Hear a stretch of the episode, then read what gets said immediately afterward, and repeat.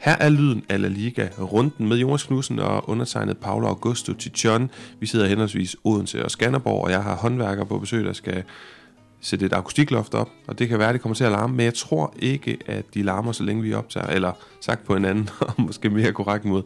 Jeg tror, vi er færdige, inden de begynder at larme med deres store maskiner. Jonas, det er også ligegyldigt, det skal jeg ikke kloge mig på. Øh, I dag tænker jeg, at jeg kloger mig mere på spansk fodbold, og jeg synes, vi skal starte udsendelsen i dag med øh, lige at opsummere, hvad der skete i transfervinduet set fra sådan et spansk perspektiv. Det er jo lukket, vi skriver 5. februar, og ind er kommet en række, synes jeg, relativt interessante fodboldspillere til øh, spansk fodbold. 18-årig Arthur Vermeden fra Ambadas, Royal Antwerpen til Atletico, Gabriel Paulista er også kommet til Atletico, Victor Roque til Barcelona, Betis de gik helt amok, Pablo Fornals, Johnny Cardoso, Cedric Bakambu, Jimmy Avila, Geraldo Becker og Javi Galán er kommet til Real Sociedad. Øh, så gik Sevilla også til værks med Lucian Agumé, Hannibal, Alejo Veliz og øh, De skulle også reagere. De er også gang i en elendig sæson, så Bertrand Traoré, Erik Bailly, Gonzalo Guedes og Gerson Mosquera er kommet til. Ilais Moriba må vi ikke glemme til Retafe. Celta også reageret på en dårlig sæsonstart med Tadeo Allende, Reilson og Javier Manquillo. Hvem har handlet bedst, Jonas?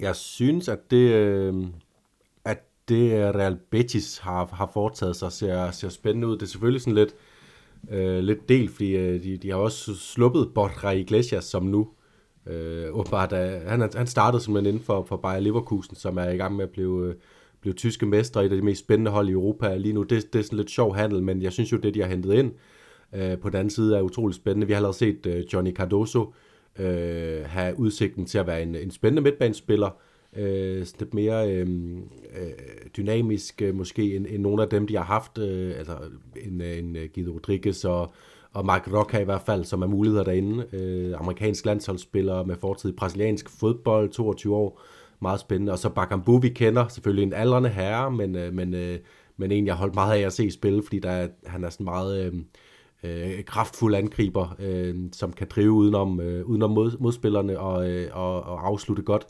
Og så Jimmy Avila, som, øh, som jeg egentlig sådan lidt, måske havde tænkt, kommer han nogensinde, øh, bliver han nogensinde interessant nok til at komme væk fra Osasuna, men han er jo manifestationen af en Real Betis-spiller, når han er allerbedst, helt op i verdenseliten, øh, og så kokser det sammen for ham, og nogle gange har han også bare lange perioder, hvor man, øh, hvor man slet ikke lægger mærke til ham, fordi, øh, fordi tingene bare ikke spiller. Der er for meget kaos omkring ham.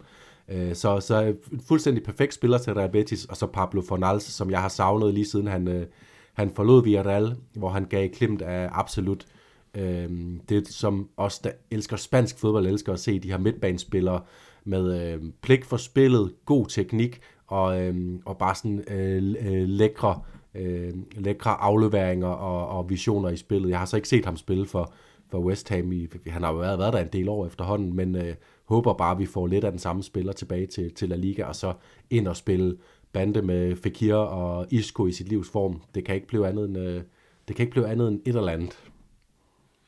Ja, og øh, du får nævnt Borja Iglesias, der vi har sagt farvel til i hvert fald øh, sådan udgangspunkt. Øh, det er jo kun midlertidigt en, en, i første omgang en, en, et lån til Bayer Leverkusen, men det kan så blive permanent. Luis Enrique har Sevilla, øh, undskyld, Betis Sevilla, hvad hedder de, Real Betis, øh, også sagt farvel til. Mo Alicho er smuttet, Fernando er smuttet, Andres Guardado, Ivan Rakitic, Brian Zaragoza, Enis Unal, Sergio Akime. Øh, altså, jo, vi, vi, vi er der blevet nogle, nogle profiler eller nogle spændende fodboldspillere fattigere, men omvendt, kan du huske, vi sad her for et år siden og snakkede om, åh oh, nej, og, øh, eller det var, det var måske faktisk for et halvt år siden, for det startede med Ronaldo til Saudi-Arabien, og i sommer, så sad alle folk og frygtede, at de store profiler er smuttet, men altså Pedri og Frenkie de Jong og Vinicius og Griezmann, og jeg skal komme efter dig, de er her stadig.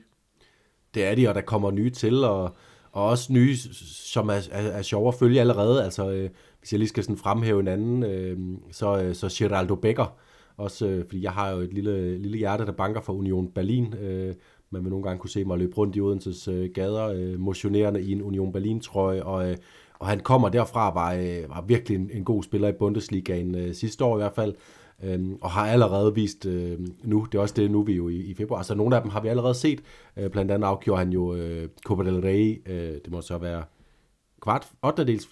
øh, mod, øh, mod Celta Vigo, hvor han kommer ind og får, får scoret et mål, og, øh, og bidrager allerede nu også med noget af den øh, fart, som man solgte med Moali Cho, som aldrig rigtig blev øh, slået igennem i Real Sociedad, plus øh, lige nu også øh, noget af det øh, sådan gennembrudstyrke, som man har mistet med, med Take Kubo, som jo for tiden er i øh, til Asian Games, hvor jeg faktisk ikke lige har overblik over, øh, hvor lange udsigterne er til, at han kommer tilbage. Men i hvert fald, så synes jeg også, det er meget, meget godt hentet af Real Sociedad, som, øh, som nogle gange godt kan savne den her øh, øh spralskhed, nogen der bryder linjerne, og, øhm, og både med bold og uden bold, og det gør, det gør Geraldo Becker, så også det er godt hentet. Øhm, og så, og så øh, selvfølgelig er det også spændende at få Gonzalo Gades tilbage. Altså, øh, han er ikke værdsat lige så meget nogen andre steder end i La Liga åbenbart, fordi vi, øh, vi ved, hvad han kan. Det, det fik han ikke rigtig øh, vist i Premier League, er mit indtryk, men, øh, men allerede nu har han også vist sig for, for Villarreal med, øh, med mål, og, og, og det skal nok blive godt for dem. Jeg kan huske en kamp, jeg så på Mestalla tilbage i 19, har jeg lyst til at sige, mm, hvor at, øh, jeg tror, det var et lokalt derby mod Levante, og jeg sad ret højt op, altså det var meget stejle tribuner på Mestalla, så når man sidder øh, allerlængst oppe for enden af det ene mål, som Valencia så angreb ned mod i anden halvleg. Jeg kan bare huske hver gang Gonzalo Guedes, hver gang Valencia fik brudt bolden, så fandt de en fri Guedes, og så løb han. Og du kunne ligesom bare fornemme, hvordan det løb koldt ned ad ryggen på det her Levante-forsvar. De kunne simpelthen ikke øh, stoppe ham. Han var elegant, han var hurtig, han var klog, han var effektiv i sit drev det var fantastisk at se på. Og vi håber selvfølgelig at, at se meget mere af det. Jonas, jeg har godt tænkt mig at lukke det her, den her transfersnak ned med sådan en... Altså, jeg har set nogle tal, der peger på, at La Liga er i, i bedring. Øh, rigtig stor bedring i forhold til at få brugt nogle flere penge. Også de mindre hold, der kan agere. Mm, jeg kigger på, på tendenserne i det her transfervindue, ser med spanske briller, så tænker jeg, Betis har reageret, har reageret undskyld, fordi de synes, de har gang i en mindre god øh, sæson, og det synes jeg faktisk også, man kan tillade sig at sige. Det samme gælder endnu højere grad Sevilla, Villarreal og Celta. Det er, sådan det, altså det er de fire klubber, jeg kigger på. Villarreal og Sevilla og Celta, der har gang i nærmest, øh, øh, hvad kan vi kalde det, uacceptable øh, sæsoner, og så Betis, der har gang i en lidt undervendt sæson, og de ved måske også, at de skal aprovechar, de skal udnytte, at der er flere store hold, der ikke gør det godt den her sæson, så de europæiske billetter burde være billigere til salg.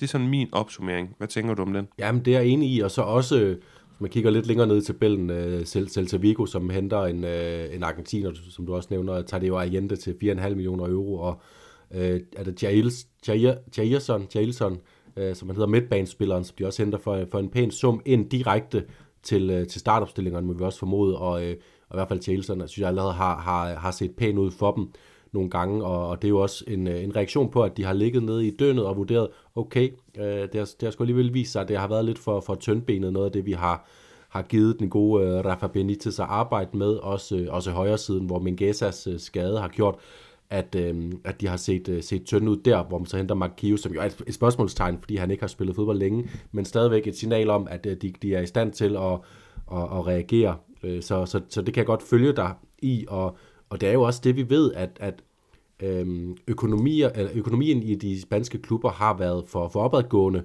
Øh, nu ved jeg godt, der, der er meget fokus på FC Barcelona, det er jo et, et, et særtilfælde oppe i en helt anden liga, men i de mere øh, ydmyge klubber, der er økonomien i bedring, fordi at kontrollen er så, øh, så god, man kan ikke bare øh, outspende sig selv, Øh, og, der, og, og, der har ligesom så nogle gange manglet lige det sidste med, at, at de også får luft til at købe noget, og det er der flere og flere, øh, flere der får. Der er også en hold som, øh, som Almeria, som vi ved er i stand til at købe noget. Nu ligger de måske så håbløst, at de ikke lige har, har brugt 20 millioner euro på et eller andet spiller, fordi det, det vil alligevel ikke rykke noget, men, men vi kan se, vi kan se La Liga-holdene kunne reagere, så det, det er jeg meget enig i. Det, det er positive øh, tendenser for sådan hele ligaens styrke, og vi kan også bare se, at det er kun er kun Almeria, der stikker, og, og så også øh, Granada måske, der stikker ud i sin for alvor negativ favør. Alle, alle holdene har, har gode trupper. Savner man noget her på falderæbet? Savner man et eller andet, en handel, en klub, der har reageret på en bestemt måde? Ja, altså, jeg tænker selvfølgelig, hvis Barcelona kunne adressere det der problem med den sekser, men de har selvfølgelig ikke nogen penge. Og jeg har sådan en lille skjult ønske om, og det kan, jeg, det kan jeg bare lige afsløre her, at en gang, og jeg ved godt, der, det er derfor, at jeg ikke sidder og tager de beslutninger, men en gang var Wilfred Ndidi jo den nye Kanté, havde nogle uhyggelige statistikker i Leicester. Hans kontrakt, meget bekendt, udløber til sommer. Kunne man ikke have lavet et eller andet smart der? Det, øh, det kunne jeg godt tænke mig at se. Det er selvfølgelig ønsketænkning, Jonas, men, men skal vi kigge efter Girona? Hvorfor reagerer de ikke? Hvorfor reagerer Real Madrid ikke? Er det, er det et udtryk for, at de klubber, hvor det går godt, der, der tænker man, jamen lad os fortsætte? Ja, det, det, det er jo den klassiske mekanisme i, øh, i januar transfervinduet. Vi har også set øh, herhjemme i Danmark, bare for at drage en parallel, at vi har haft et ret, et ret stille transfervindue, fordi at øh, de klubber, som har, har penge at købe for, de ligger godt i tabellen. Øhm, og, og det er jo det samme, man kan sige i hvert fald om, om Real Madrid, og, og også det, at øh, og det kommer vi til at snakke om senere, øh, det, det skal jeg love for, at, at Carlo Ancelotti øh, bare har så stor øh, indsigt i sin trup og tiltro til sin trup, at han har ikke, øh, tror jeg, stået og, øh, og banket øh, næven ned i, i, øh, i sit øh, skrivebord øh, for, for at få store, øh, vigtige forstærkninger. Så, så det, det tror jeg, du har, du har ret i, at det, det er det, der er på spil.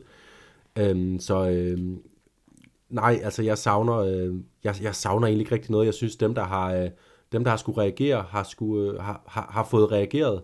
Og det, det får vi så bare se nu, om det, de har reageret godt. Jeg er stadig bekymret for, for øh, især Sevilla, fordi jeg synes måske, at nogle af de andre har reageret øh, bedre, og Sevilla har også øh, mistet nogle, nogle vægtige folk i omklædningsrummet, så, så man må man må bare øh, sige, at det, det er svært sådan at se, ud over Sergio Ramos selvfølgelig, hvor skal, hvor skal lederskabet komme fra, når det, når det også famler rundt på ledelsesgangene. Træneren er usikker, hvor stærk hans position er i klubben, og sådan noget, hvad, hvor, hvor stort mandat har han. Så Sevilla kunne jeg godt have tænkt, tænkt mig en, en sikrere hånd fra, men, øh, men, men ellers så sidder jeg ikke og, og savner noget. Og heller ikke den her sekser, for lige at vende tilbage til det. Dit udgangspunkt var, altså jeg tror Barcelona, de venter på Alex Garcia, og jeg tror, det, er, det har ikke været en mulighed på nogen som helst måde at lokke ham væk fra Girona lige nu, fordi at de er i gang med noget, med noget magisk, og selvom han drømmer om, som han udtalte, inden de skulle spille på, på Montjuic, drømmer om at spille i FC Barcelona, så, så er det altså svært at, at forlade Girona lige nu. Vi har også set, det er jo ikke sådan, at, øh, at der har floreret store rygter om, at Savio og Chigankov og Dovbyk og hvem der ellers har overpræsteret øh, i, i forhold til, hvad man kunne forvente af dem, at de har været på vej væk overhovedet. Altså Girona, de spiller den her sæson færdig, og så må vi se, hvad der sker til sommer. Og der tror jeg, at Barcelona, de venter på at kunne, øh, kunne hente Alex Garcia til sommer, hvis de har, har råd, og hvis ikke nogen andre kommer op i forkøbet.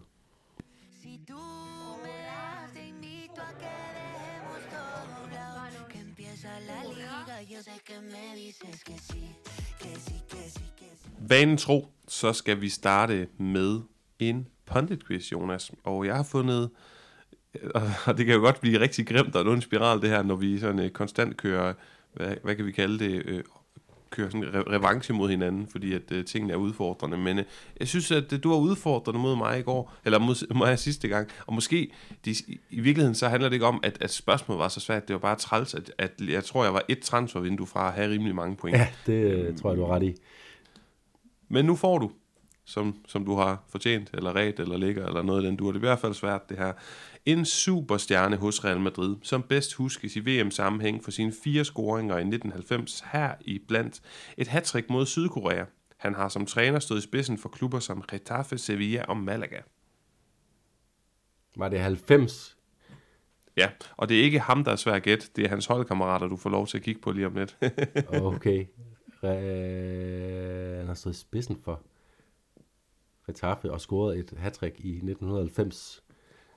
Han scoret fire mål, men uh, tænk på Getafe, Sevilla og uh, Malaga. Han har også været i Getafe sådan uh, relativt for nylig, og det gik relativt dårligt. Jeg har bare svært ved at koble en Getafe-træner sammen med det at score mange mål i en, i en VM-kamp. Det er... Altså, han uh, deler navn med La Ligas hotteste træner. Mitchell. Ja, ja, Mitchell. Men Jonas, nu bliver det rent så okay, han, han har scoret, okay, ja, det overrasker mig. Hans, hans holdkammerater, øh, da Spanien, de vinder 3-1 mod Sydkorea i VM 90. Ja. Dem kunne jeg godt tænke mig at høre lidt om, og jeg kan fortælle dig, at de spiller med en målmand, og så en, en, en sweeper, eller du ved, en bagstopper, der ligger bag tre forsvarsspillere, og så fire midtbanespillere og to angriber. Ja. Jamen, så tror jeg, jeg starter med uh, Subisareta. Korrekt. Ja. Øhm, og så siger jeg Mitchell. Korrekt. og det gratis point uh, tager jeg også gerne med i den sammenhæng her. Uh, så skal man jo til at huske tilbage på sådan uh, Kento del Butre, og hvor mange af dem var tilbage på det tidspunkt her. Jeg siger Miguel Angel, Angel Nadal. Nej, Nej, han er ikke med. Han kunne godt være ham, du øh, ellers refererede til, der lå lige bag bagkæden der og, og sweepede det hele. Jamen, jeg kan jo prøve at rise navnet op, og så kan du sige, hvem du øh, sådan kan genkende. Ham, der er sweeper, det er Renard Andrinua. Ja, det siger mig ikke noget. Så har vi en bagkæde med Chendo, Manuel Sanchez og Alberto Goris. Ja, Sanchez i hvert fald øh, burde jeg godt huske. Og Chendo tror jeg også var med i øh, miraklet i, i Madrid. Chendo er, er matchday delegate i dag i Real Madrid. Ja. Så har vi en midtbane med Michel, Roberto, Rafael Martin Vázquez, som var en del af det her Quinta del Buitre, ja. og Francisco Villa Hoya. Og så et angreb med Emilio Butragueño, jo også øh, faderen til, til det her sling, og så Julio Salinas. Ja, det er jo to navne, der i hvert fald vækker igen. Klang især Butragenio. Det er bare, jeg er altid i tvivl om, hvor, øh, fordi det er jo 80'erne, man husker Kento del Butre mest for, og så er det altid der med, overgår han også til, til 90'erne. Selvfølgelig gjorde han også det. Det var også... Øh, ham skulle jeg have gættet, når jeg, havde, når jeg startede med at sige hans... Øh, øh den æra, han lag, lagde navn til selvfølgelig. Men øh, ah, det var en svær udfordring. Spanien i Spaniens landshold i, i, i starten af 90'erne, det er altså ikke stærk i. Nej, det er også øh, svært La Furia Roja. Men Jonas, øh, det var en lille, lille reklamespot til lytterne, som altså kan erhverve sig det her fantastiske brætspil, som er rigtig mange timers underholdning værd, og det kan man købe for 319 kroner. Normal pris, hvis man er hedning og ikke lytter til lyden af liga, er 399 kroner. Man bruger bare rabatkoden ind på Pondets hjemmeside, lyden 20. Lad os så komme i gang med øh, runde. Der står stadig runde 21 maj. Sidst var det 22, nu er det altså blevet runde 23's tur til at blive talt igennem. Og fredag aften fik vi Atletic Klub, der smadrede Mallorca 4-0, og Judy Belician. Han havde en række akrobatiske afslutninger.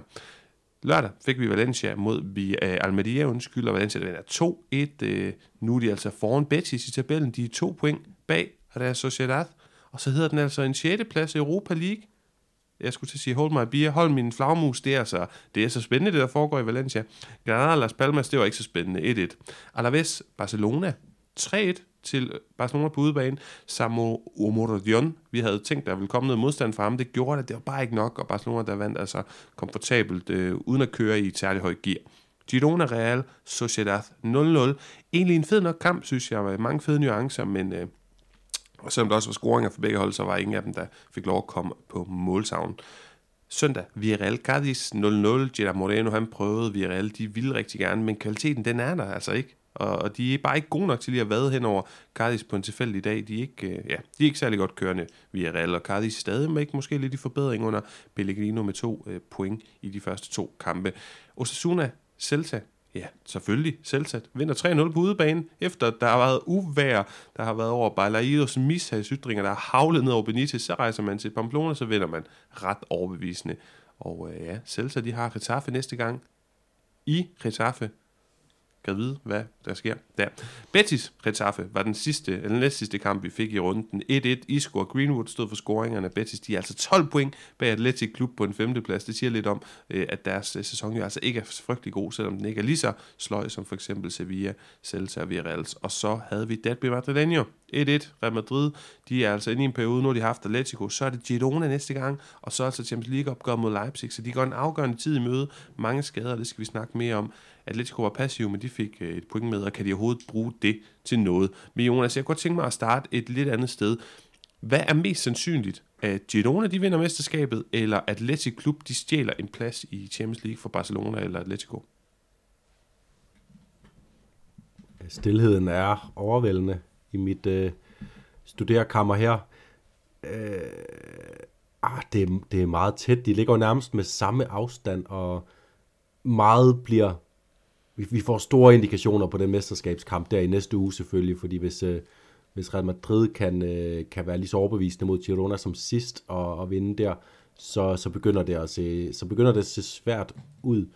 Øhm, jeg tror, sandsynligheden er størst for, at Atletic Klub de går ind i, i, i top 4, fordi vi må bare sige, øh, sidst snakkede vi om Atletico Madrids øh, udbanekompleks, og det, det var bare endnu en dårlig udbanekamp, de spiller her, øh, selvom at, og det at få et point på Santiago Bernabeu, det er jo noget, de fleste kun, øh, kun kan se misundeligt øh, til på, men, øh, men præstationen var ikke god.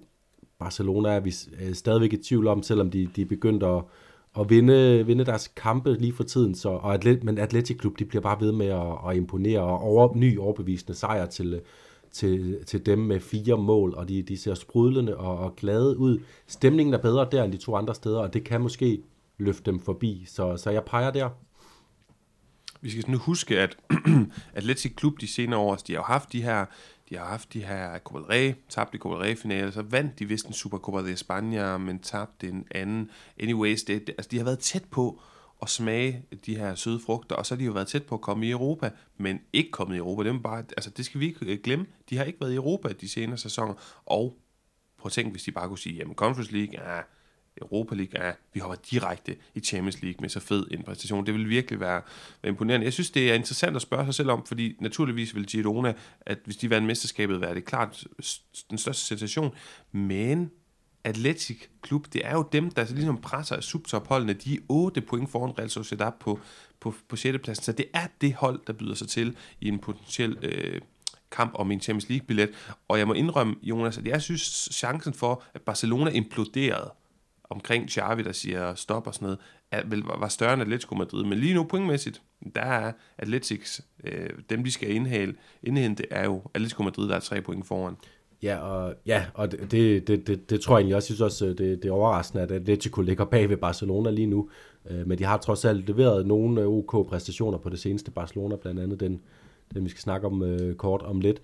Øh, lige i forhold til Champions League, så skal vi også huske, der er jo muligheden for, at, øh, at femtepladsen, i La Liga går, går med i Champions League. Det er sådan øh, det her nye format, hvor det bliver et liga-system med Schweizer-spil, det vil sige, at man får otte kampe mod øh, otte forskellige modstandere i sådan et stort Champions League-gruppespil næste sæson.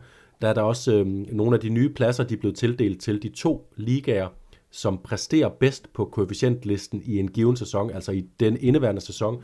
De får så to pladser næste, næste sæson. Lige nu er det England og Italien, der ligger på dem, men Spanien, fordi vi ved, at, vi har, at øh, Spanien har nogle hold, som er gode til at klare sig langt, jeg kigger på Real Madrid, og fordi der er mange hold tilbage, også i Champions League øhm, fra Spanien, så er der god mulighed for at øh, eventuelt overhale Italien eller England øh, på en af de to pladser. Og det ser jo bare i solid, øhm, øh, øh, med sådan en solid forspring ud til at blive Atletic Klub, der får den øh, turban, hvis, øh, eller den appelsin ned i turbanen, hvis, øh, hvis de andre spanske hold kan klare ærterne for dem derude det kunne simpelthen være meget, meget smukt med den her historie om de baskiske soldater med, øh, ja, begrænset, eller hvad kan vi sige, en meget smuk, romantisk og en lille smule hmm, fundamentalistisk spiller øh, rekrutterings, ja, identitet. Jonas, lad os hoppe videre til Valencia, som øh, vinder flot. Hmm, også nogle spørgsmålstegn over Almeria, men det er, der, det er der mange, der kan,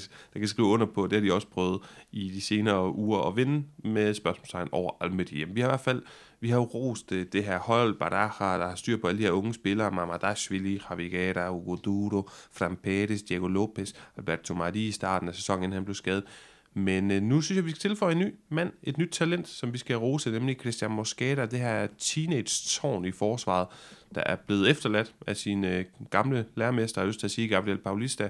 Hvad synes du om ham, og, og hvad, hvad tænker vi om, om konsekvensen af, at Gabriel Paulista er smuttet? Jamen, øh, for det første, så Gabriel Paulista har jeg jo min klare forbehold overfor. Øh, men man må også anerkende, at især den her sæson har han været vigtig, også givet, at øh, Mukhtar Diakabi jo øh, har været og er afsted til, øh, til African øh, Cup of Nations, og det betyder også, at, at øh, ham her, Christian Mosquera, han er jo nu blevet efterladt, man kan sige næsten helt alene, fordi ham her, Cenk Özkasar, øh, 23-årig tyrker, øh, har aldrig rigtig imponeret i Valencia, så det var ham, der, det var ham, der var, var lederen af Valencia-forsvaret i den her kamp, og den klarede han Altså, øh, det, det, det er virkelig imponerende. 19 år gammel, og øh, vi ved også, der har været, øh, været bud fra ham fra blandt andet øh, øh, Atalanta, øh, har, har haft øh, Valencias gamle øh, nemesis fra, fra Corona Champions League, har haft, øh, har haft fingrene ud efter ham. Han er et øh, han er virkelig stort forsvarstalent, der er, der er skudt ind på, øh, på La Ligas, La Ligas stjernehimmel øh, fra, fra, øh, fra stort set ingenting, øh, og det kommer jo ind, fordi der, der var først nogle skader, så han fik mulighederne, og så nu det her med, at øh, Diakabi har været afsted, og nu Gabriel Paulista der er afsted. Det betyder, at han kommer til at spille øh, alle de kampe, han er klar til resten af sæsonen, og det betyder også, at han bliver et af de varmeste forsvarsnavne på øh, øh næste sommers øh, transfermarked, og så ved vi også, at Valencia desværre med al sandsynlighed ikke holder fast øh, i ham. Det er jo den deprimerende version af den her smukke historie. Jeg kommer sådan til at, jeg sad og tænkte over det her med talent, og nu kommer der et ikke særlig godt spørgsmål, men måske du alligevel kan følge mig lidt i, hvor jeg vil hen, eller hvad jeg gerne vil høre dig udtale om. Jeg kan tænke på, at Barcelona producerer ekstremt mange talenter. Det er virkelig, virkelig imponerende. Valencia har dem også. Og der er jo også mange flotte, altså der er, jo meget, der er mange unge, rigtig dygtige spillere i Real Madrid. Vi har fået det generationsskifte langt om længe, men om det er sådan lige, at det er jo ikke fordi, det er egenproducerede talenter, og de er måske også et par 20, de fleste man vil fremhæve. Real Sociedad har vi rost deres ungdomsakademi for tidligere. Sådan, hvem har, og der er vel også mange unge spillere i Girona, hvem, hvem har de mest imponerende talentarbejde lige pt. i La Liga? Uh, det, er, det er et hård konkurrence, du, du riser op jo, men, men jeg synes bare, man må sige, Barcelona, de laver alligevel lige spillerne på, øh, på en hylde højere. Vi, vi ser også bare, øh, hvor mange gode spillere fra, fra Barcelonas akademi, der, der, der blomstrer forskellige andre steder. Øhm, øh, og så altså bare øh, Petri, Lamin Jamal, øh, Lamin Jamal, der er i gang med sit helt store gennembrud. Kubarsi, der bare kommer ind øh, fra Øh, de kommer jo også bare i, i, i hobetal, altså i FC Barcelona. Øh, Hector Ford, der får lavet et øh, Jordi Albask øh, oplæg i, øh, i den her kamp, og lige pludselig, altså jeg har aldrig hørt om ham før for en uge siden, og nu er det sådan, ah, okay, det er okay, når han spiller, tænker man efterhånden, fordi øh, vi, vi, vi, vi ser bare, at de kan nogle ting, og de har allerede en venstre bak i øh, Alejandro Balde, som, øh, som, øh, som har vist prøver, men han har, har været lidt mere... Øh, øh, i en skygge af sig selv den her sæson, har vist, at han har et enormt højt topniveau, så jeg, jeg synes bare, jeg synes stadigvæk, Barcelona må sige at være, være sådan lige på en hylde over, øh, altså Real Sociedad, Valencia, øh, de, de laver lige så mange, måske, men, øh, men Barcelona laver dem lige, er lige stadigvæk en, en hylde højere. Og jeg er jo enig, altså jeg er jo fuldstændig enig, det er jo hyggeligt, hvor, hvor, hvor imponerende et talent og træner og ungdomsarbejde, der foregår i Barcelona på La Masia. Men det er også bare for at sige, det, det sker altså også andre steder i spansk fodbold. Der er virkelig mange unge, spændende talenter på vej frem. Og lad os bare håbe, at vi får lov at se nogle af dem de næste 5-10 år i øh, spansk fodbold. Må ikke vi gør det. Jonas, vi skal videre til, øh, jeg kunne også godt tænke mig lige kort at komme forbi Celta Vigo. Fire sejre i ligaen fik de i den her runde. De distancerer Sevilla med tre point inden mandagens kamp i en periode, jeg synes er meget afgørende for Benitez, fordi han møder modgang på Balaide, som jeg sagde lidt tidligere. Mm, der er kommet et par tiltrængte, ja, skulle man kalde dem forstærkninger, det ved jeg ikke helt. Du, du nævner, at øh, du tror, de går ind med det samme. Jeg kender ikke de her spillere, jeg er ikke overbevist, eller, eller sådan, de er ikke nogen velkendte navne for mig. Men hvad tænker du om Sevilla, uh, øh, undskyld, Celta Vigo? Kommer, kommer formen til at fortsætte fremad? Nej, det skal også lige sige, det er det ikke for mig, men nu har jeg set Charlson der et par gange, og det ser godt ud, og så så det er jo Allende, må man jo bare øh, øh, håbe, at de har gjort deres arbejde på, og jeg tror, givet den situation, de er i, så har en rigtig god chance for at få, øh, få, øh, få muligheden øh, fra start allerede øh, inden længe. Altså, jeg, jeg, jeg synes jo, og det har jeg jo sagt det mange gange, og det har næsten været lidt øh, øh, sikkert øh, trætten at høre, især hvis man er, hvis man er Celta-fan, og høre mig sige, at jeg synes jo, de har, de har haft masser af gode tegninger i spillet, stort set hele sæsonen. De har bare simpelthen ikke knækket koden til at få, øh, få udbytte af, af mange rigtig fine kampe, hvor de endte med at tabe lige til sidst, eller, eller kun få uafgjort med, øh, og sådan den der, den der gamle sang, som vi tit synger om hold, der ligger nede i den ende, de gør. Og nu, øh, og nu vil jeg også bare sige, i den her kamp mod Sasuna, øh, så får en, en af de spillere, som for mig også tegner det her billede af et hold, som, som kæmper med lige at, at, at komme det sidste stykke frem mod, mod målstregen. Jørgen Strand Larsen laver et fremragende mål, et øh, fremragende oplæg, og så vinder man 3-0 på en af de, øh, en af de svære baner i, øh, i La Liga. Det er, det er meget overbevisende, og jeg synes, det, jeg synes bare, det, det er velfortjent. De får det udbytte nu, fordi øh, øh, tegningerne af det, de har rigtig mange fine spillere. Der er også spørgsmålstegn, altså Ristic er meget op og ned på den her venstre bak. Øh, Tapia, der kommer ind og fylder meget i mange kampe, men også fylder meget på den dårlige måde i mange kampe. Øhm, Fran Beltran, som er en spiller, jeg holder meget af, men også har det med at for, forsvinde meget ud af, ud af kampe. De La Torre, som også laver mål og sidst i den her kamp, er også en meget øh, svingende spiller, synes jeg, men med, med et øh, åbenlyst potentiale. Øhm, så jeg synes, det, det, det er godt at se, at de får, får udbytte af det, og jeg tror også, de øh, har øh, gode muligheder for at få meget mere udbytte af det resten af sæsonen og overleve. Øhm, så øh, altså, positiv vinde i Celta Vigo, og lige sådan en sejr her, de trængte til, hvor der ikke på noget tidspunkt var tvivl om, at de ville hente de tre point.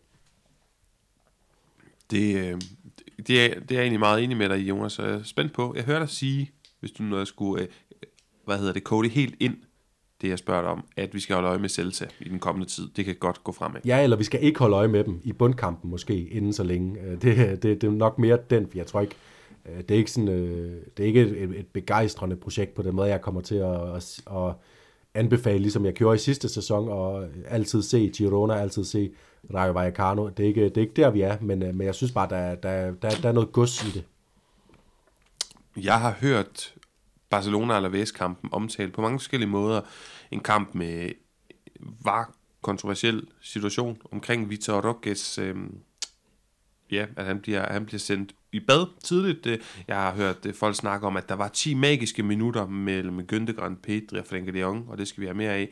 Jeg har hørt folk rose Pau Kubasi, og jeg har også været, hørt folk være mere pessimistiske, både Barcelona-fans, men også Barcelona-kritikere, der siger, jamen de er simpelthen upålidelige, utilregnelige, hvis det var, det, burde, det, det kunne være gået meget anderledes, det jeg vil sige, hvis Samu Omorodion og øh, company, de lige havde kendt af besøgelsestid. Hvad for en læner du er mest op af, Jonas?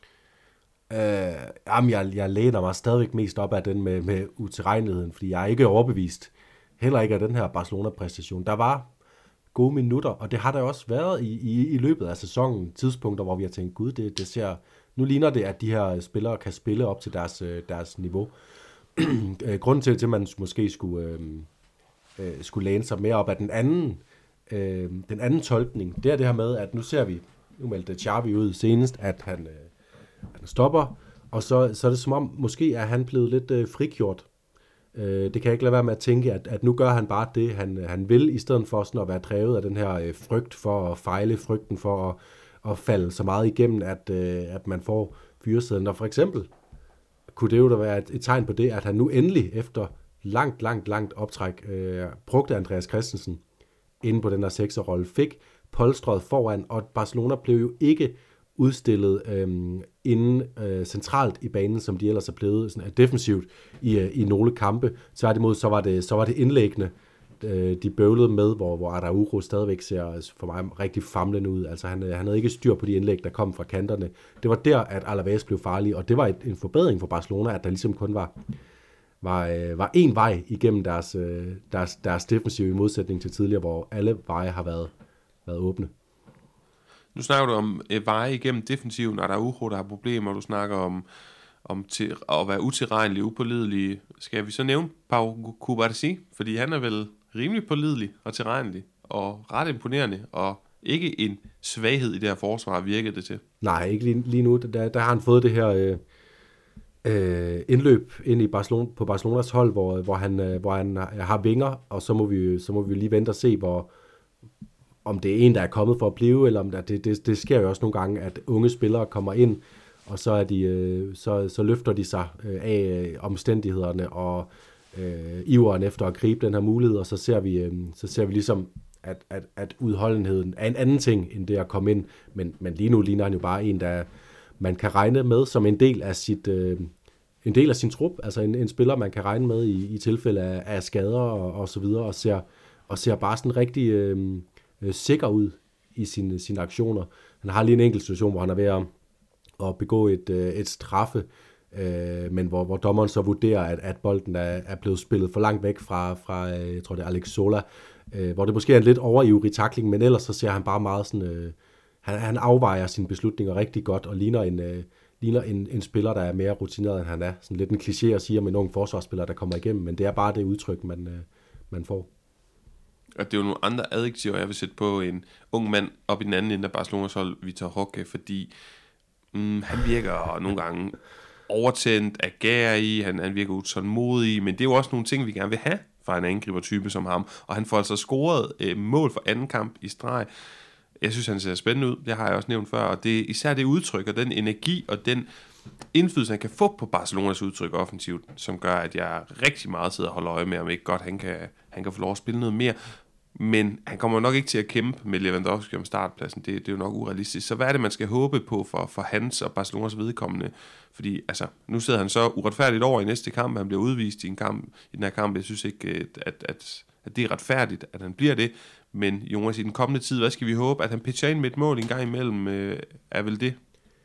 Ja, det tror jeg også, at han, øh, at han kan øh, øh, komme ind med den her energi. Det er jo, det er jo utvivlsomt, at han har en, øh, en anden energi, end, end den, vi har, øh, har set fra Barcelona-holdet i den her sæson.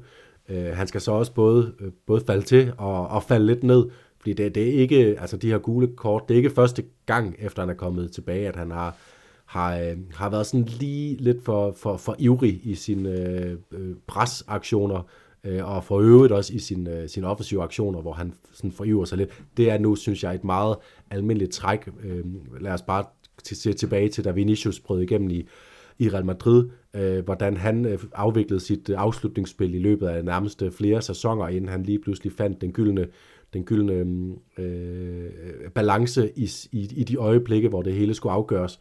Øh, og nu, nu så vi øh, altså den afslutning, han laver på et øvrigt, altså øh, FC Barcelona DNA'sk mål. Altså det, det skreg FC Barcelona, det der udfordring i højre side, vender spillet ind over to hurtige afleveringer, en venstre bak i overlap, det kunne have været Jordi Alba, som jeg sagde tidligere, det var Hector Ford, og så den position, Vitor Roque finder, det er lige præcis der, hvor Lionel Messi han har scoret, øh, ja, hvis ikke 100 vis af mål, så i hvert fald op mod 100 mål øh, på cutbacks fra, fra Jordi Alba. Så det var, det var godt øh, af Vitor Roque. Afslutningen også god. Øhm, det, det kan vi håbe, han, han bidrager med, fordi som du siger, jeg tror heller ikke, han kommer til at, at tegne Barcelonas øh, måltavle eller spil resten af sæsonen, men han kan være det her friske pust, som, øh, som Joao Felix også er hver, hver 7. 8. kamp, så kan, så kan det være, at Vitor Roque kan være det i de 6-7 andre kampe i mellemtiden.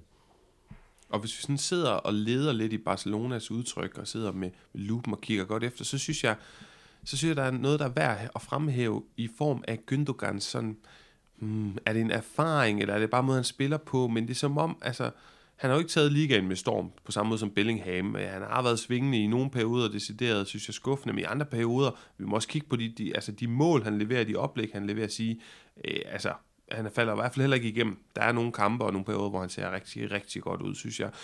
Og jeg synes bare, man kan se den måde, som han spiller på, at han har en vis erfaring, en vis selvtillid, og at han også påtager sig det ansvar på en anden måde end Frenkie de Jong eller Pedri. Altså der er sådan nogle gange, jeg ved ikke om du sådan rent kan, visuelt kan, kan forestille dig, hvornår jeg tænker det i den her kamp, men der er sådan nogle gange, når han får bolden, for eksempel, så, jamen, så løber han bare op, og så løber han fra fase 2 til 3, eller hvad det hedder, fra den dybe midtbane op lige foran feltet. Fordi det kan han bare, og fordi han kan ligesom gennemskue nogle ting, og han kan nogle gange, så, så, så i stedet for at, at overkomplicere nogle situationer, jamen, så er han bare sådan, jamen nu løber jeg herop og sørger for, at den bold, den havner der, kom, altså bringer os videre i spillet, bringer os tættere på en scoring, laver de simple, men fornuftige, kloge, smarte løsninger, hvis du forstår, hvad jeg mener.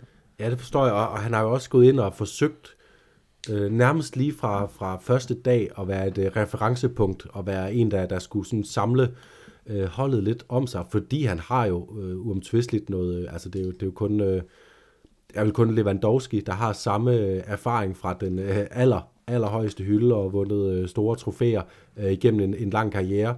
Øh, det er der ikke andre i Barcelona-truppen, øh, der rigtig kan sige, Øhm, og, og det har han også vist, og, og både på godt og ondt, fordi der er jo også efter den her El Clasico, hvor han er ude lidt og peger fingre af sin, sine holdkammerater, men det tror jeg også skyldes, at det har været svært for ham, ligesom det har for Xavi, at, at finde ud af, hvad er det, jeg skal lede? Altså, hvem er det?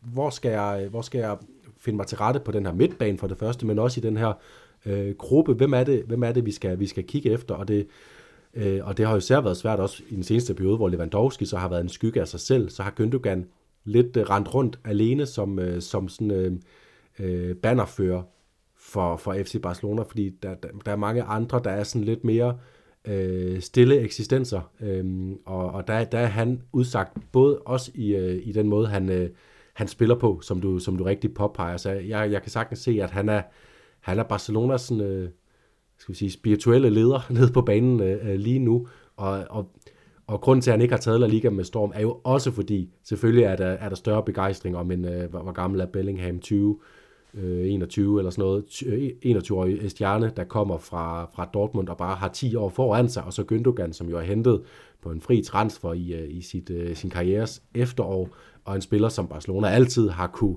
kunne, kunne bruge, fordi at han, har, han har de evner, han har, men som først øh, kommer nu, efter han var færdig med at, at spille Guardiola-bold i Manchester City. Så derfor er begejstringen selvfølgelig ikke så stor, men han har jo leveret nogle, nogle gode kampe. Men, skal det også siges, jeg synes også, der er for mange kampe, hvor han ikke har taget det her lederskab, og ikke har, har spillet med høj nok øh, kvalitet, hvor han selv er faldet ned i, øh, i det her hul af, er sådan ap- apatisk øh, øhm, øhm, øh, øh, mangel på initiativ i forhold til at sætte FC Barcelonas offensiv spil på en øh, inspirerende måde og bryde, bryde de her kæder, som du også snakker om. Men, øh, men øh, i den her kamp, der var Gündogan, Gündogan, og så er så Barcelona også øh, bedre hold. Ja, det er det. Lad os hoppe videre, Jonas, til Derby Madrileño, fordi det er den største kamp i runden, og vi skal, vi skal snakke en masse om den her fodboldkamp.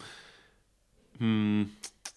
Lad os lige prøve at starte med, med, med de dispositioner, vi er kloge på, før kampen går i gang. For Real Madrid, vanen tro, de lægger deres opstilling ud, jamen det er jo nærmest to timer før kampen, og vi kan se, at Carvajal, han de facto bliver den her nødløsning i midterforsvaret, som vi jo har forudset vil ske på et eller andet tidspunkt siden 1. januar, fordi at de er så tyndt besat lige der.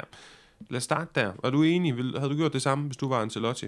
Ja, men altså, jeg havde jo faktisk øh, Ferland Mandi øh, over Dani Cavaral i, den, øh, i det pyramidespil, der hed, hvem ender med den der øh, centrale forsvarsspillerplads. Øh, øh, så lidt, lidt overrasket, øh, men, men øh, givet omstændighederne, også i og med Chomini, som er jo også en af dem, vi har nævnt til den plads, var, var ude med, med en skade til den her kamp, så, øh, så måtte det jo være sådan. Altså jeg, jeg havde regnet med, med Falamandi, hvis du havde spurgt mig, øh, hvis du havde vist mig øh, øh teamsheetet inden kampen, så havde jeg, så havde jeg placeret Falamandi i midten, men øh, der gik Ancelotti øh, måske klogeligt også, viste sig med, med, med lidt mere rutine, frem for en, der måske sådan per øh, sådan fodboldkarakteristika for mig at se passer bedre på en, på en centerback end, end Cavaral, som jeg, hvis du spurgte mig for fem år siden, om jeg skulle se Cavaral spille centerback i en kamp, så havde jeg sagt aldrig i mit liv.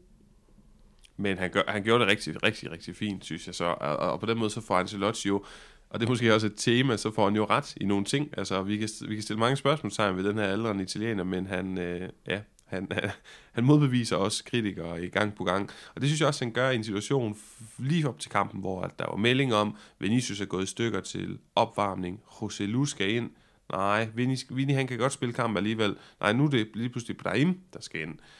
Så kommer Brahim Diaz ind, og, og jeg synes virkelig, han sprudler i den her fodboldkamp. Hvad, hvad, prøv lige at sætte et par ord på, hvad tror du, det får betydning for Real Madrids udtryk, for Real Madrids tilgang til den her kamp, at det bliver netop Brahim Diaz og ikke Roselu, for jeg tror, der er kæmpe forskel. Øh, jamen, det, det, det gør jo, at de, øh, at de kan fastholde. Altså, en, en ting er, at øh, jeg synes, de første 20 minutter af den her fodboldkamp, der var Real Madrid i absolut verdensklasse. Og de var det, fordi de, øh, de pressede så enormt højt, og så øh, øh, lykkedes de også med, udover at, at vinde bolden, øh, Øh, hvis ikke i første presset, så i, i, i øh, anden presset, øh, næste geled, og holde fast i bolden. Og da i lige præcis den måde at holde fast i bolden, der var Brahim øh, Diaz en, en større gevinst, end Rosello ville have været. Fordi Rosello, det er jo mere, hvis man måske var lidt afventende bag til, og så gerne ville spille den øh, op på ham, og så ligesom få, få kæden af, af midtbanespillere og, og medangriber med op i kontrafasen og etablere spillet på den måde. Men Øh, I og med, at de, øh, Real Madrid var så gode til at presse Atletico tilbage, så er det meget bedre at have Prime Diaz, fordi at øh, rummene blev små, og han øh, formåede bare at tage, tage fat i bolden, og, øh, og jo nærmest ja, i perioder styre, styre kampen, i øvrigt sammen med, øh, med, med makkeren bag ved sig, øh, Lucas Vazquez, som øh, understøttede ham perfekt, og også spillede øh, en af sine absolut bedste øh, kampe øh, meget længe. Ja, og lad os, lad os, prøve, at, lad os prøve at undgå de her sådan lidt dogne, øh, hvad skal vi kalde dem, narrativer med, også med skader og så videre. For jeg synes egentlig, det der er så fint, det er, at i stedet for, så kigger man præstationerne og siger, at Lukas Vask spiller rigtig fint på højre bak. Hvilket undrer mig, men det, det gjorde han. Og Dani Carvajal, han spillede fint i midterforsvaret, og så videre, og så videre, og så videre. Sådan på hele linjen rundt, og Brahim Dias, der kom ind i sidste øjeblik. Men, men faktum er, at de spiller rigtig godt, og så kan man jo kigge over på Atletico Madrid og sige, jamen, hvor godt spiller de? Er det, at bliver man måske nødt til at ty til den her gamle kliché, fordi at de går mm, galt i byen i forhold til deres tilgang til den her kamp. De bliver, de bliver for, for konservative, øh, de, de bliver for frygtsomme i deres udtryk, og måske kan man allerede også se det, da startopstillingen tigger ind, fordi det er for eksempel øh, ikke de to bedste wingbacks, der starter den her kamp, hvis du spørger mig. Ja, og jeg, jeg synes, jeg undrer mig faktisk over, at, øh, at Rikelme skulle starte den her kamp. Øh, på sin vis også Jorente, men jeg synes, det er meget tæt mellem Jorente og Naul Molina, og han giver noget, øh, noget arbejdsstyrke, man gerne vil have i sådan en kamp på, på Santiago Bernabeu, den gode Jorente. Uh, øh, Riquelme han er for mig en, en lidt mere sådan arketypisk offensiv spiller, der godt kan falde ud af kampe. Samolino synes jeg er mere øh, stabil i sit spil, både i Valencia sidste sæson, men også i, i Atletico i den her. Så det, det undrede mig faktisk en del, at han, øh, at han valgte øh, Riquelme der. Jeg synes så, at, at jeg er ikke sikker på, at Atletico kom ud med, altså selvfølgelig kommer man ikke ud med et ønske om at være passiv, men jeg tror heller ikke, de kom ud med et ønske om at være, stå så langt tilbage på banen. Jeg tror simpelthen, de her første 20 minutter, som jeg refererede til, at Real Madrid, de overmandede dem. Altså de, øh, de, øh, de kom med en bevidsthed om, at okay, vi har lidt øh, et eksperiment kørende nede bagved i dag, lad os, bare, lad os bare overfalde Atletico, så de får svært ved overhovedet at komme frem og udfordre Dani Cavaral og Nacho og Mandi og, og, og, og Lucas Vazquez, som er en fuldkommen ny konstellation. Jeg ved ikke engang, om de har trænet sammen øh, i den firebakkæde. Øh, men, øh, men, men det lykkedes Real Madrid med, og derfor så tror jeg, at øh, Atletico de blev tvunget til øh, og, øh, at agere på en måde, de ikke ønskede, og det er også derfor, vi så Diego Simeone begynde ret hurtigt i kampen og, og ændre til, til 4-4-2, når de, de forsvarede, fordi øh, han var simpelthen udman, udmanøvreret, og det, det, er no, det er noget af det, jeg tager med mig fra den her kamp, at øh, har sådan en Real Madrid-ven, der skrev til mig, måske det er på tide, vi snakker om noget. Øh, fordi du skrev rigtig nok inde på, på Twitter, måske vi skal snakke om Carlo Ancelottis mandskabspleje, og så skrev en af mine, øh, mine Real Madrid-venner til mig, måske det er på tide, vi snakker om noget andet end Carlo Ancelottis mandskabspleje, fordi ja, når han bare kan hive Brahim Diaz ind på den måde, og han så leverer så stor en, en, en toppræstation, når, når han bare kan udgyde den tillid til Cavaral, at han bare går ind og spiller en centerback, og man fornemmer bare, at han har den fulde tillid til at, og, at gøre det på den måde, han, han kan, så har det noget med mandskabspleje at gøre, men Ancelotti, han ved bare også lige præcis, hvad han kan få ud af hvilke spillere, altså han, øh, og han, øh, han sætter dem, øh, uanset hvilke udfordringer han møder, så sætter han dem bare rigtigt op, altså vi ser, det er virkelig sjældent, vi ser øh, en Real Madrid-kamp, hvor vi tænker, hvorfor gjorde Ancelotti det der? Og nærmest uanset hvad han gør, fordi han kender sine spillere så godt, han har så godt styr på, hvad de kan bidrage med, og så har han også bare lavet et Real Madrid-hold. Altså jeg har næsten lyst til at kalde det, øh, og, og det, nu, nu skal Barcelona-fans lige tage, tage øh, høretelefonerne af et lille øjeblik, fordi Ancelotti, han, er, det, er, det, er det vores tids totalfodbold, han spiller med det her Real Madrid-hold. Alle spillere kan spille alle steder på banen. Det handler ikke om, om Jude Bellingham han spiller nier eller venstre midtbane eller central midtbane. Han, han flytter sig bare over i det område, hvor bolden er. Øh, alle spillere bidrager i alle spillets faser, og, og øh, når Cavaral kan spille midterforsvar, så er det også bare fordi Real Madrid ved, hvordan de skal spille fodbold. Uanset hvem der, der spiller hvor på banen, så ved de, hvordan de vil, vil gå til det. Altså det er, det er bare det er dybt imponerende at følge, synes jeg, Real Madrid i den her sæson. Meget, meget, meget fascinerende, og, øhm, og det er jo nærmest lige, altså netop, det er netop ligegyldigt, når jeg, når jeg sætter mig ned og skal se en Real Madrid-kamp, så kigger jeg på deres opstilling. Nå ja, okay, det er dem, der spiller i dag. Øh, forventningerne er bare de samme, øh, stort set uanset hvem, hvem jeg ser i startopstillingen. Øh, måske lige med undtagelse af, af Rosello, som kan gå ind og, og give noget andet end Vinicius, Brahim Diaz, Rodrigo øh, oppe foran. Men, øh, men det, er, det er voldsomt fascinerende at se Real Madrid. Øh, og, og det her narrativ havde jeg så forberedt, jeg gerne ville komme ind på, inden Atletico fik slukket, øh, slukket sådan den helt store begejstring til sidst. Men stadigvæk synes jeg bare, at den her kamp var rigtig god for Real Madrid. Ja, hvor, øh, hvordan kommer man efter sådan en, et, et brøl? Jeg er meget enig, Jonas. Jeg kan prøve at supplere nogle ting. Altså, jeg synes jo, mm, jeg synes også, at mandskabsplejen er, er på sin plads og, og rose, fordi Brahim Dias kommer tilbage fra den sæson. Han har været nøglespiller hos AC Milan, og så sidder han, så han bare henvist til bænken i en lang periode. Og det tror jeg, mange mange spillere vil blive indineret under andre trænere, men det, der har han en form for ro, og der har han talegaverne i orden, og kan, kan overbevise de spillere om, bare roligt, du skal nok blive vigtig for os og, og holde ham til ilden. Og det er det, der er sket. Jeg synes virkelig, det er et prime eksempel på, hvorfor at netop hans mandskab, mandskabspleje Ancelottis er, øh, er, er second to none i verden. Så har du også et eksempel som målmandsposten, rotationen der, som jeg synes, han rigtig flot håndterer, meget roligt. Der, det, det går ikke ind, og man, man, man fornemmer ikke, at det kommer ind og forvirrer øh, alle de her skader i midterforsvaret, vi kunne snakke om også, jamen stille og roligt, som du siger, Cavaral ind i midterforsvaret, en dårlig spillende Nacho, og det ser rigtig solidt ud øh, på mange punkter. Der er selvfølgelig også deres begrænsninger med det her luftspil. Øhm, og så har jeg sagt det før, noget af det, jeg synes, der er vildest ved Ancelotti, det er, at han går ind fra day one, forløser en Vinicius, der ikke kunne score mål, om det galt hans liv. Han kommer ind, Ancelotti, og sørger for, at han scorer mål. En Øh, Militao, der var masser af spørgsmål omkring, går ind og gør ham sin af verdens bedste midterforsvar. Han kan få Valverde til at score mål. Han kan få Bellingham til at score mål. Han kan så mange ting rent trænerteknisk, som du må hilse sin og sige, hvis ikke han lytter med, Jonas, at det er fuldstændig enig i, at der er tiltrængt ro til, eller tiltrængt anerkendelse til Ancelotti, for han er ikke kun den bedste mandskabsplejer i verden, han er også en rigtig dygtig træner. Og så har han sine svipser og sine upser, som når han sætter Modric op øh, som falsk nier i en El Clasico for eksempel. Ja, det er så en af de få, man kan, man kan pege på. Det indrømmede han jo også. Og rettet op på i løbet af kampen, så, så Real Madrid endte med at vinde en kamp, de startede med Modric som øh, falsk nier. Øh, nej. Var det, det var, den, de tabte? Øh, jo, det er rigtigt. Det var den, øh, det, der var jeg et, et skridt for langt øh, fremme.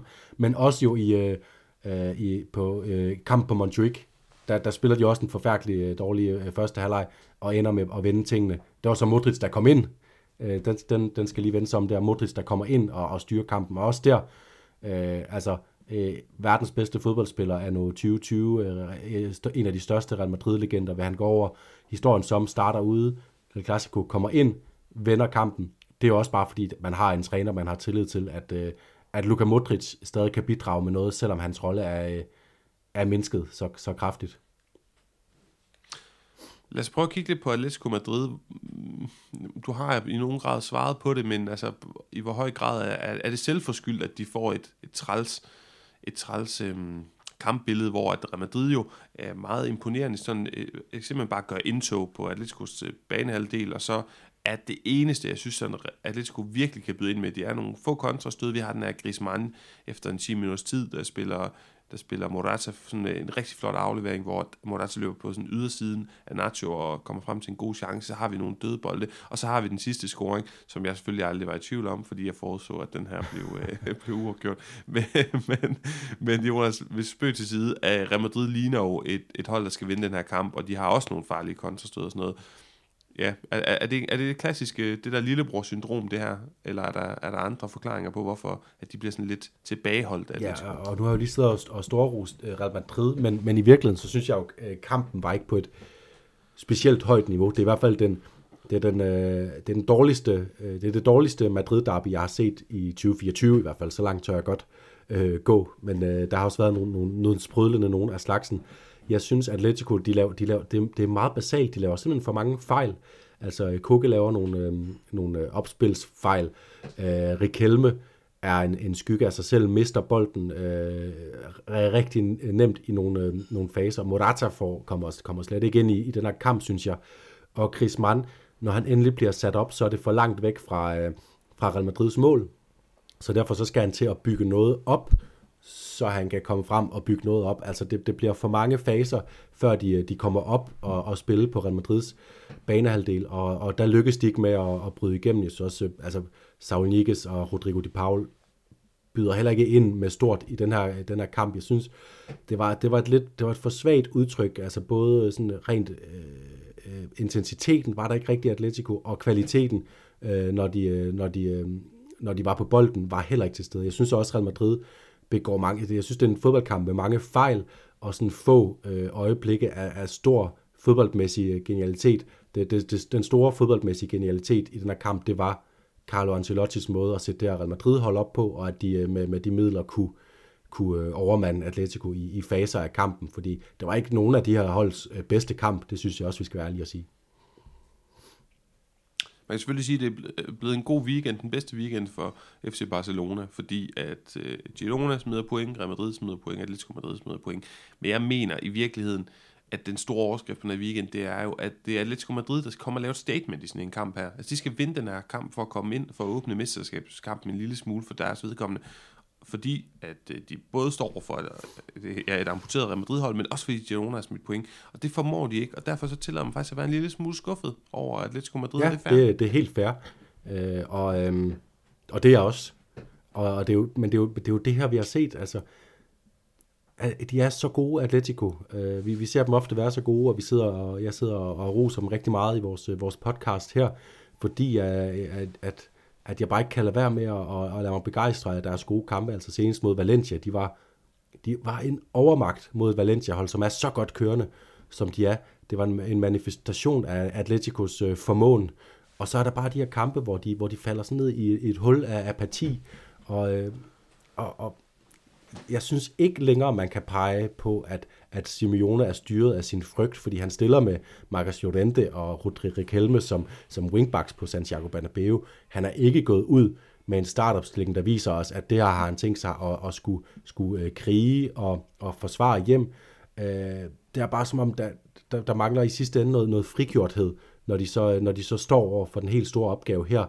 Øh, altså, hvorfor, hvorfor ikke hvorfor ikke gøre mere for at flytte spillet længere frem, når man har Chris Mann, som, som, som burde kunne øh, have styret den her kamp. Altså, han er ja, i konkurrence med, med Bellingham den bedste spiller på banen, og har, og har spillet så fremragende så mange kampe. Altså, det, der, der bliver bare ikke gjort nok i, i, i, i nogle kampe lige pludselig, og det, og det er udkampene, det har vi jo snakket om, og det er en udkamp igen her, at de, øh, hvor de kommer til at fremstå apatiske, og som om de bare afventer modstandernes øh, udspil, og så kommer de ikke rigtig selv med noget. Altså Atletico kom ikke med et udspil på et eneste tidspunkt i den her kamp. Det var, det var rene reaktioner, og det er også derfor, deres øh, chancer kom på de her kontrastød, som, øh, som jeg ikke synes, at det øh, Atletico er, er kendt mest for. Øhm, øh, det var en, øh, en bokser, der blev, fik et godt dunk i, øh, i tændingen i første, i, øh, i første runde, og så, øh, og så famlede de lidt i blinde resten af kampen. Skuffende.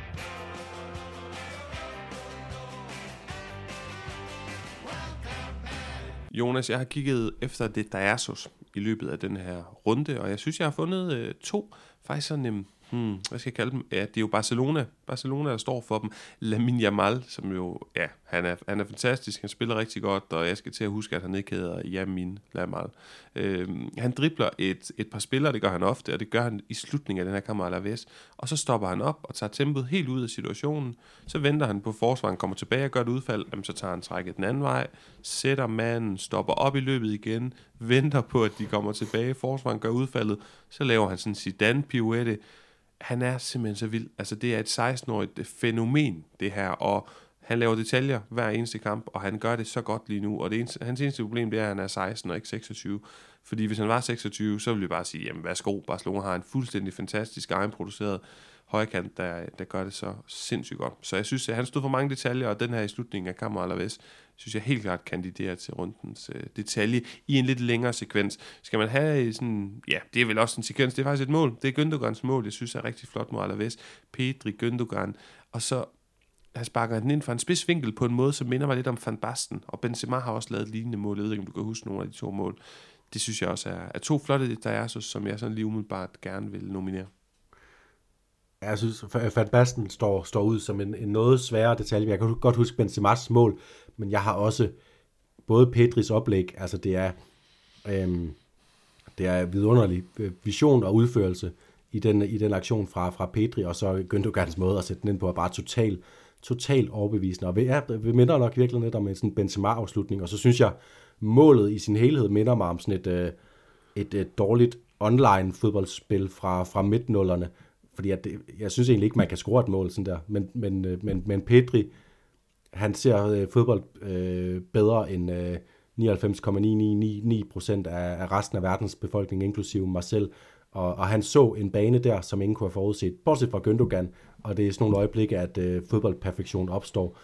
Jeg har også lige en anden honorable mention, jeg gerne lige vil have, have smidt ind i, øh, i, i puljen. Jeg så, øh, jeg så desværre kun første halvleg, siger jeg med sådan ærligt, af Real Betis Retaffe, fordi det var en vidunderlig fodboldkamp, øh, overraskende nok, altså fyldt med intensitet, og også gode detaljer, både Greenwood for, for Retaffe, og så øh, Isco og Fekir, der, der spillede rigtig godt for Real Betis, og Isco, det er ham, vi skal have fat i. Der er en sekvens, det, jeg tror, det er sådan i løbet af halvandet minut eller sådan noget, hvor han to gange øh, i fuld sprint, og så laver en øh, glidende takling, vinder bolden, rejser sig op, laver en tunnel, dribler uden om en spiller mere, og så sætter spillet for Real Betis. Det gør han to gange i løbet af halvandet minut, og det fortæller alt om, hvor Isco befinder sig. Han er, har fået energi, han er kommet i øh, form, og han er stadigvæk genial Isco, som vi, vi, øh, som vi kender og elsker.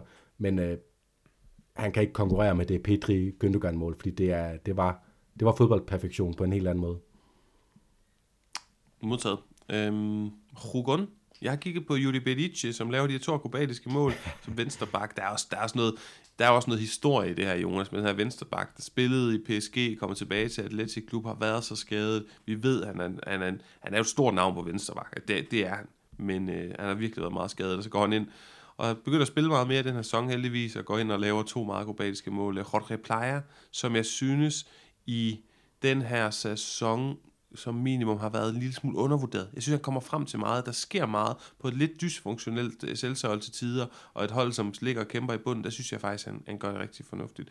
Men min, min personlige bud vil gå til Brahim Diaz. Jeg synes simpelthen, og, og vi snakkede lidt om, det, han kommer ind i sidste øjeblik, og en, en perifær spiller på mange måder for Real Madrid, men han formår bare at holde sig til ilden, og han spiller bare sindssygt godt, og han afgør den her kamp lidt heldigt, men han står for så mange andre fantastiske ting i den her fodboldkamp, og en lille, altså, når man ser, når man tænker, Vinicius spiller til venstre, og Rodrigo til højre, okay, jamen, så, kommer, så bliver Vinicius skadet, så vil Rodrigo gå over til venstre. Hvor mange gange har vi ikke siddet i den her podcast og rost, at Rodrigo kommer endnu mere på bolden, og bliver endnu mere afgørende, når han kommer over til venstre i Vinicius fodspor, når Vinicius ikke er med. Men det skete ikke.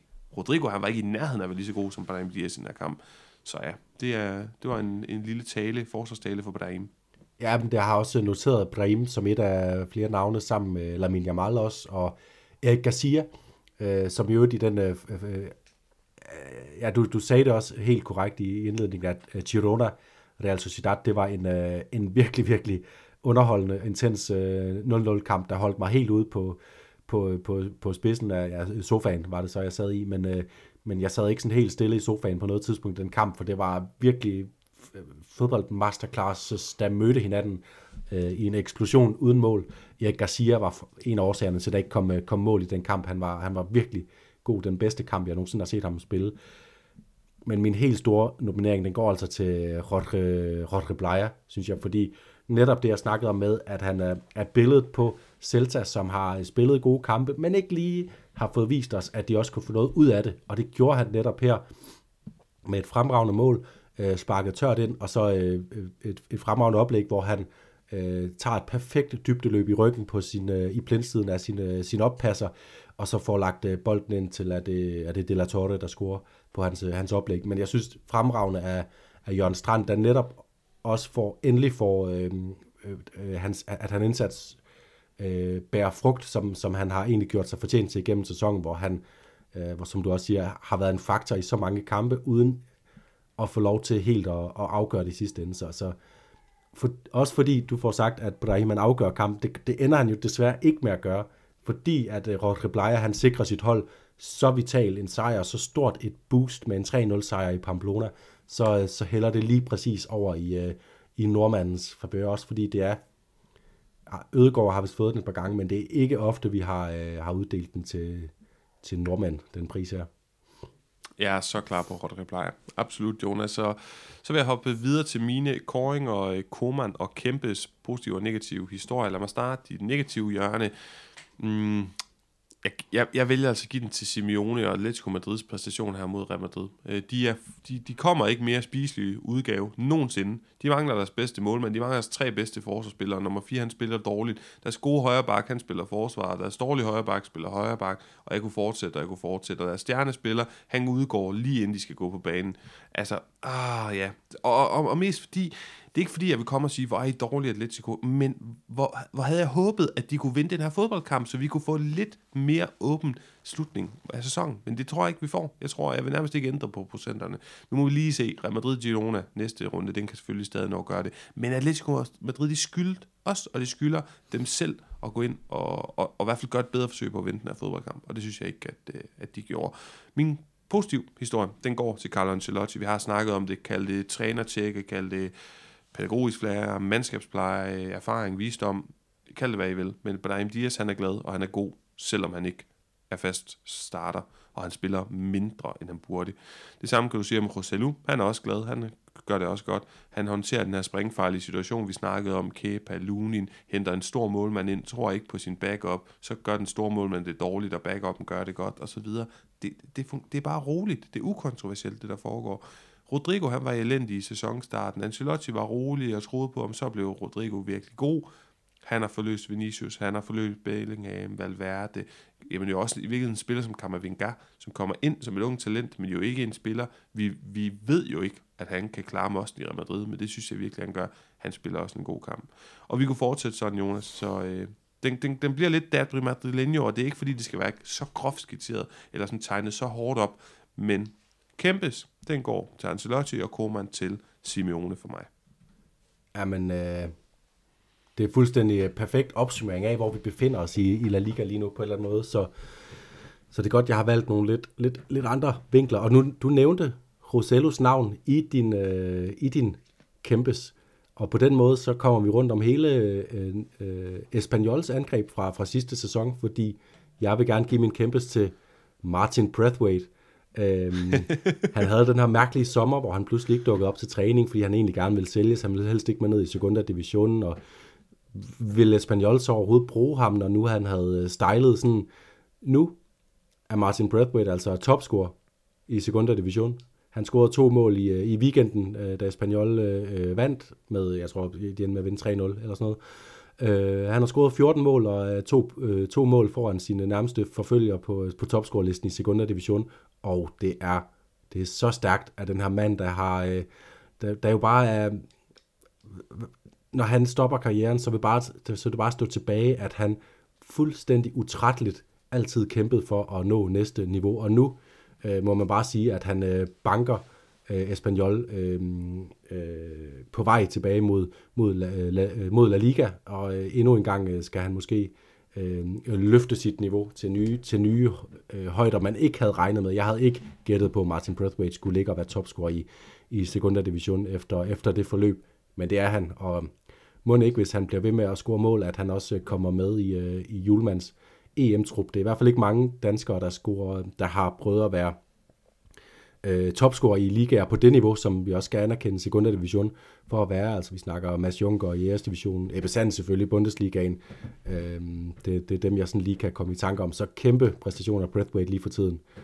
Min koman, den går til det gode gamle makkerpar Xavi og Joan Laporta, som virkelig øh, er bambier på klatis i deres øh, kommunikation, og har været det siden Xavis øh, melding om, øh, mærkeligt timet i øvrigt også melding om, at han øh, stopper til sommer som øh, Barcelona-træner. Siden da har han brugt al sin energi, Xavi, altså på at, øhm, at snakke om Caso Negreira, og hvordan at øh, den her øh, liga, den er øh, fikset, at øh, det selvfølgelig øh, er lagt ud fra dommerkomiteens side, at øh, sådan her skal Real Madrid vinde mesterskabet i en liga, som hans egen klub vandt mesterskabet i sidste sæson. I øvrigt, det er, øh, det, det er pinligt, pinligt at følge med i, og han skulle koncentrere sig om, øh, som han så også gjorde i, i, i Vitoria Gasteiz i kampen mod Deportivo Alaves, om at øh, aflevere Barcelona et øh, bedre sted, end han modtog det, hvilket han nok også kommer til, fordi han modtog det i dårlig stand.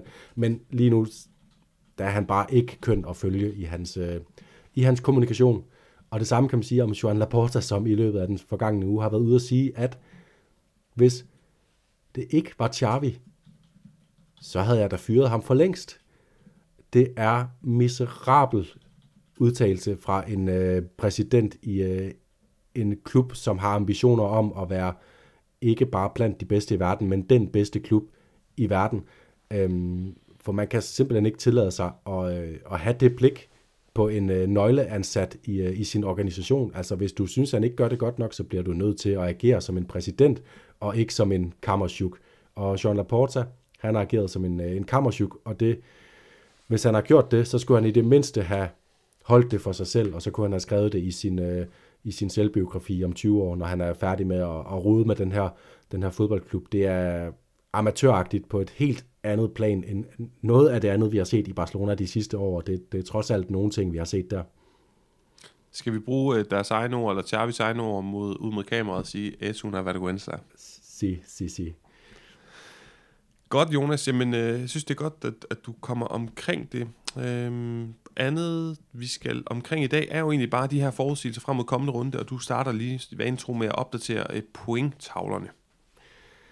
Ja, og det er jo ikke, det er ikke godt for mig, fordi der står 16-12 til dig, og øh, jeg har 0 point for den her runde, jeg har gættet på. Barcelona vil vinde overbevisende over Osasuna i midtugen, det kan man ikke påstå, de gjorde, og at de så vil tabe i Vitoria Gasteiz mod Alaves. Det gjorde de så på ingen måde heller, så øh, jeg bliver stående på 12. Og du havde så gættet på, at øh, Villarreal med øh, Gerard Morenos scoring eller oplæg skulle øh, vinde deres kamp mod øh, Cardis. Det blev en 0 så også 0 point til dig der, og så fik du lige i aller sidste øjeblik på en... øh, øh, fordi Nacho han prøver at, at clear en øh, bold i hovedhøjde med sin højre fod, og Marcus Llorente han kommer ind øh, og øh, udnytter verdens mærkeligste oplæg fra Memphis Depay på Santiago Bernabeu. Så får du et point i hatten på uafgjort i Derby Madrileño. Så 17-12 står der, og derfor vil jeg også igen tillade mig at bede dig om at spille ud med dit, øh, dine forudsigelser til næste runde.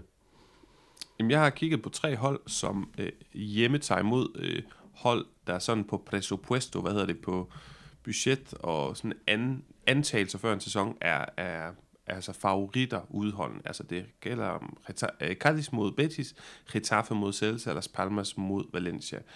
Og jeg tror, at øh, de mindre hold i hjemme vinder, men øh, jeg må kun gætte to gange, så jeg skal lige prøve at se, hvad er det egentlig, jeg er mest sikker på her. Jeg tror, jeg er... Altså, jeg synes, Cardis over Betis, af en eller anden grund, så er jeg helt sikker på, at Cardis, de tager... Øh, altså, de simpelthen vinder, selvom de får besøg af en i den grad storebror, der ligger en time øh, eller halvanden nordpå fra, fra, fra Cardis. Hmm, jo, så tror uh, Det er virkelig sjovt, jeg har, jeg har haft, øh, jeg har faktisk, jeg skrev i, i torsdag, skrev jeg ind i mine noter, at jeg vil gerne gætte på, at Cardis vandt over Betis i den der, øh, den der kamp, men, jeg, men jeg, nu, du så jeg den der Betis Retafe, jeg synes, de så gode ud, Betis, så, så jeg har faktisk slettet den igen, så, jeg, så, jeg, så jeg er glad for, at du øh, går lige ud, øh, ud med den og siger, at øh, Cardis får en, øh, en sjælden sejr. Jeg synes ikke, det er noget dumt bud. Skal jeg lige tage mine, så kan du øh, vælge til allersidst, fordi jeg, jeg er ikke inde på det ja. samme, kan jeg sige. Jeg, jeg synes, al mit fokus er rettet mod det her øh, mesterskabsopgør mellem øh, Real Madrid og Girona på Santiago Bernabeu i, i næste runde, så derfor så kommer jeg med to forskellige forudsigelser til den kamp. Den ene måske, må, måske synes du, ingen af dem er våget, men ikke desto mindre, så synes jeg, det er en, en kamp, der er så spændende, at jeg gerne vil komme med dem. Jeg siger, der kommer mindst fem mål i den her kamp, øh, fordi vi har set Gironas øh, kampe mod Barcelona og Atletico, øh, hvor det virkelig bare er væltet ind i, i begge ender. Så var der så Real Madrid, der kom til Girona, der væltede det ikke ind i begge ender, men kun den ene. Men nu tror jeg, at de er, nu har de øvet sig lidt mod Barcelona og Atletico. Nu tror jeg, de er klar til at rigtig at tage kampen op, selvom det desværre for dem er uden øh, Angel Herrera og Dali Plint, de er, og Dovbyg for den sags skyld. De er lidt svækket, Girona, men jeg tror stadig, de kan komme til at gøre noget. Så mindst fem mål i den kamp, men på grund af de også de fravær, jeg lige nævner her, så ender Real Madrid med at vinde.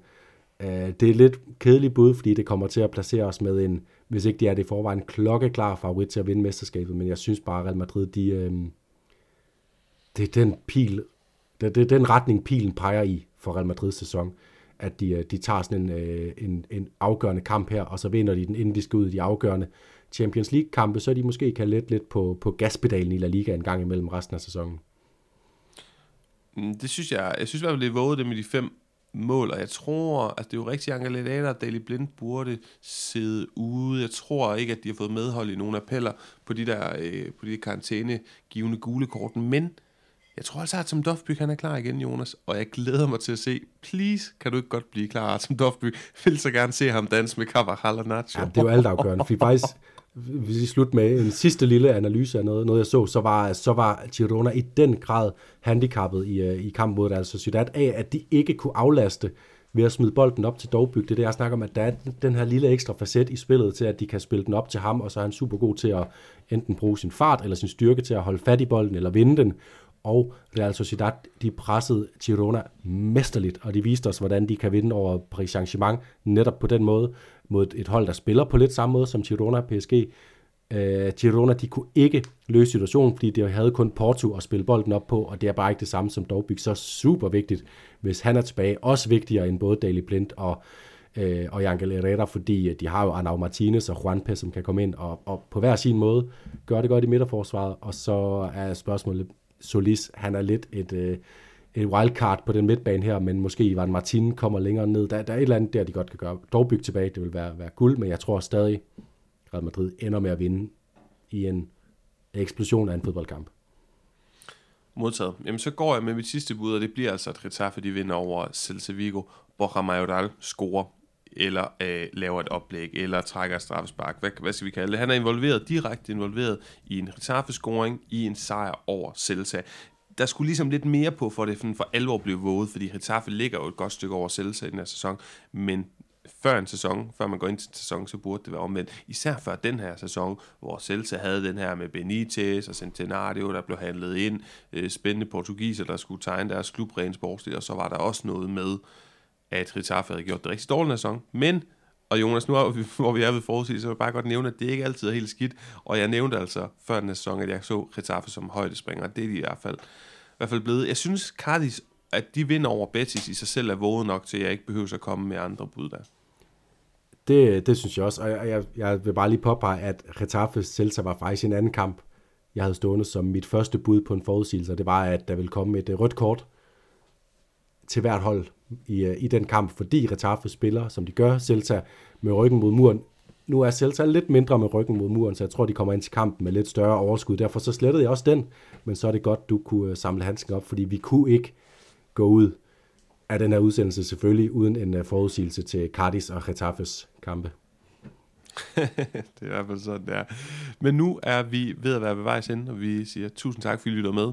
Og husk, at I altid kan stille spørgsmål, komme med kommentarer, dele vores indhold, øh, meddebattere og analysere, så længe det bliver en god tone. Og hvis I virkelig ikke kan få nok af lyden af liga, så husk, at vi udgiver alt indhold gratis lige her. Men derfor må man godt blive frivillig donator inde på tier.dk og donere helt ned til 5 kroner per udsendelse, helt frivilligt, uden binding og så videre, hvis I synes, at det arbejde, Jonas og jeg laver, det er det, er det værd. Ellers så er vi bare glade, fordi I lytter med. Tak for interessen. Vi lyttes ved.